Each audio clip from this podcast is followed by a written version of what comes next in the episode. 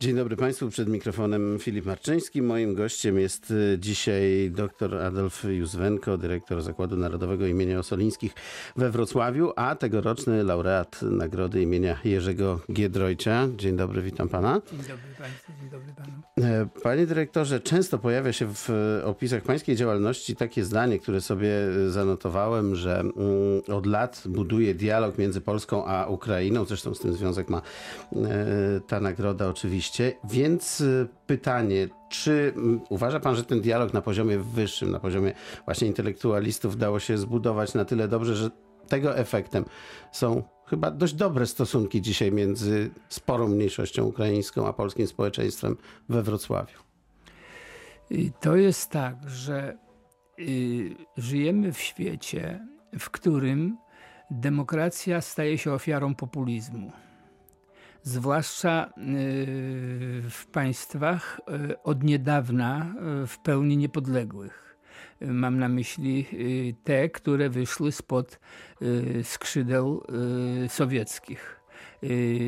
I najłatwiej jest zdobyć poparcie hasłami przemawiającymi do wszystkich. Najczęściej sięga się wobec tego po historię. Niekoniecznie y, bierze się pod uwagę historię taką, jaką była, a taką, jaką się chce ją dzisiaj widzieć. I dialog między y, narodami jest y, blokowany populizmem. Natomiast ludzie myślący po jednej i po drugiej stronie zdają sobie sprawę z tego, że y, narody Rzeczypospolitej, tak, tej, która utraciła niepodległość w końcu wieku XVIII, no, mają wspólne korzenie, mają y, kilkaset lat bardzo interesującej y, historii. Wiek XIX y, to wiek dla Polaków, wiek bez państwa, to okres zaborów ale to nie tylko dla nas okres zaborów, to także dla tych narodów. Ukraińcy dojrzewali w XIX wieku narodowo i politycznie. I w wiek XX weszli z własnym programem państwowym. państwowym. Związek z Rzeczpospolitą ich już nie interesował. My jak gdybyśmy, jak, jakbyśmy tego nie dostrzegli i dlatego w roku y, 18, 19 musiało dojść do konfliktu zbrojnego. I tu można zaryzykować takie twierdzenie, że mamy do czynienia z wojną, w której z walką, w której dwa, obydwa narody mają rację.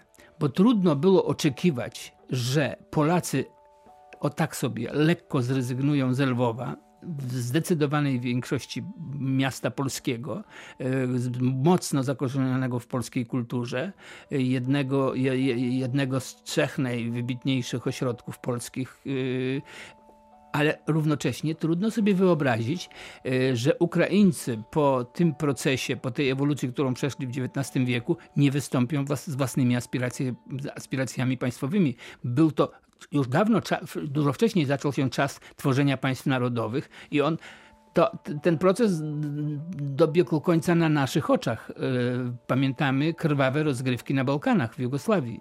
No ale mm, dobiega końca też trochę na naszych oczach teraz, e, trzeba przyznać. Pytanie jednak, czy te e, jakby resentymenty są na tyle mocne, pańskim zdaniem, że wpływają na te stosunki na poziomie społeczeństw teraz? Wykorzystuje się je. Tak, to na pewno. Więc ale... absolutnie instrumentalnie się je traktuje. Zwracając uwagę na te najtrudniejsze karty historii Polski yy, i oczekuje się, co wydaje mi się zupełnie niemożliwe, do tego, że współcześnie żyjący będą padać na kolana i przepraszać za to, co zrobili ich przodkowie. A ten populizm blokuje e, dialog na poziomie, na poziomie w naszym przypadku, na poziomie, na, na poziomie intelektualnym, intelektualnym. Raczej nie. No. Tego dowodem jest bardzo dobra współpraca pomiędzy Osolineum a ukraińskimi placówkami kulturalnymi, pomiędzy tamtejszymi muzeami, bibliotekami.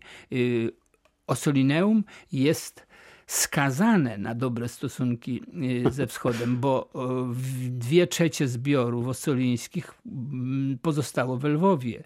I aby je opracować, aby je poddać konserwacji, udostępnić, to my musimy dziękuję Jeśli tego nie zrobimy, to te zbiory za kilkadziesiąt lat będą y, nie, w ogóle przestaną istnieć y, bez konserwacji, bez opracowania, bez zmiany warunków ich przechowywania.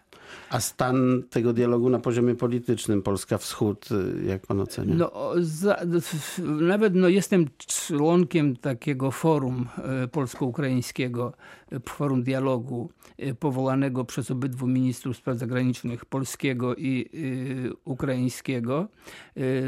Przed tygodniem odbyło się spotkanie w Kijowie po długiej przerwie y, i w tych nowych y, warunkach politycznych, po kryzysie na Morzu Azowskim, prawda, po blokadzie mm, tego morza dla, mm, dla statków, dla floty ukraińskiej, no, Ukraińcy Y, wyra Ukraińcom wyraźnie zależy na współpracy z nami y, i y, obydwaj ministrowie taką współpracę zadeklarowali. To dobrze.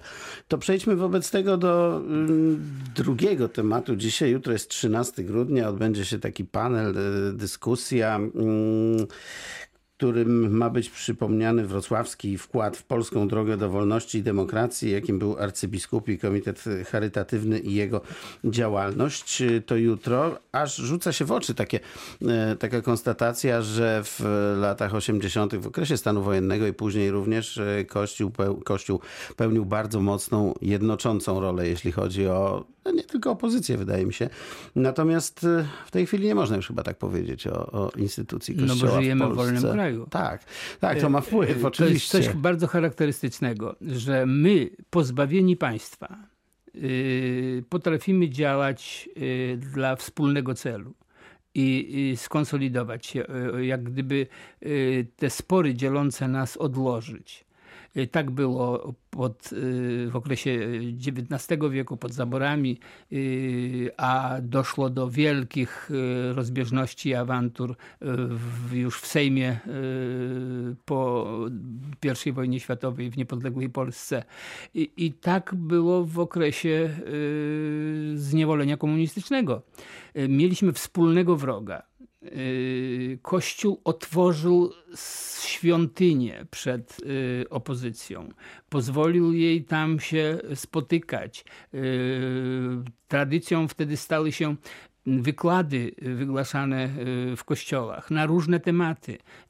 koncerty były środkiem koncerty, kultury ale, ale też, przede prawda? wszystkim wykłady, odczyty różnego rodzaju, zaproszenia gości z całej Polski. Nikt nie pytał, czy ten występujący jest wierzący czy niewierzący. I autorytet Kościoła był ogromny i Kościół był otwarty.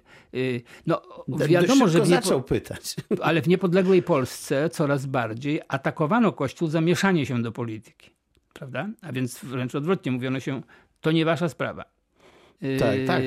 To nie A wasza sprawa. jakby trochę tego oczekiwano, tak? I, I, jakby tego oczekiwano. Ale równocześnie na samym początku to tak, było lekkie y, oburzenie, że Kościół nagle przestał udostępniać y, swoje y, kości kościoły, mhm.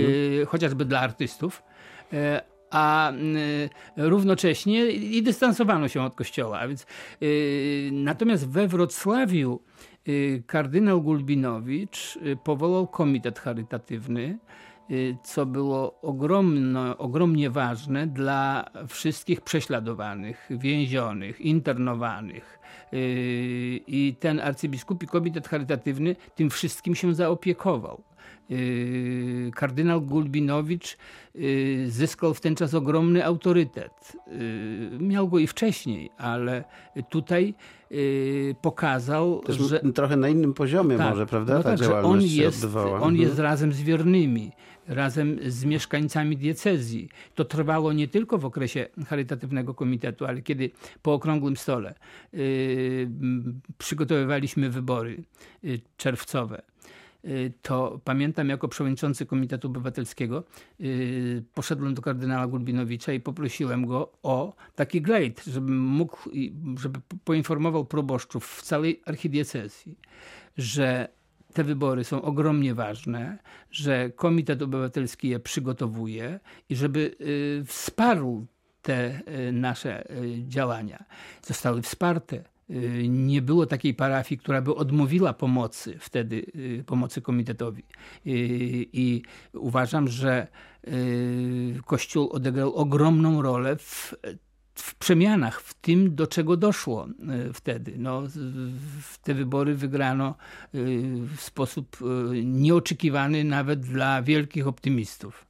A czy uważa pan, że e, droga do laicyzacji w Polsce będzie przebiegała podobnie jak w Europie Zachodniej? Bo Europa Zachodnia się laicyzuje rzeczywiście. W Polsce, e, jak sam pan mówił wcześniej, ta wiara pozostaje często na poziomie deklaratywnym, bo mamy e, w różnego rodzaju ankietach 90% społeczeństwa deklarującego wiarę katolicką, a w mszach uczestniczy około 40, nieco ponad 40. Czy to jest początek tej drogi? Drogi? No to jest na pewno droga, która nie zaczęła się wczoraj. Yy, zmienia się, Europa się zmieniła radykalnie. Yy, I dzisiaj mamy do czynienia z czymś takim jak poprawność yy, polityczna, prawda?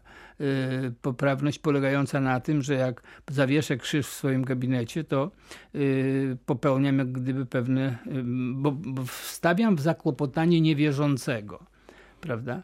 Y, nie, nie bardzo mogę to zrozumieć, bo y, dlaczego niewierzącego y, drażni wierzący? No tu chodzi o instytucje publiczne jakby, no, prawda? No, no, no, instytucje, przepraszam, a czy w instytucjach publicznych nie mają być inaczej traktowani niewierzący i inaczej wierzący?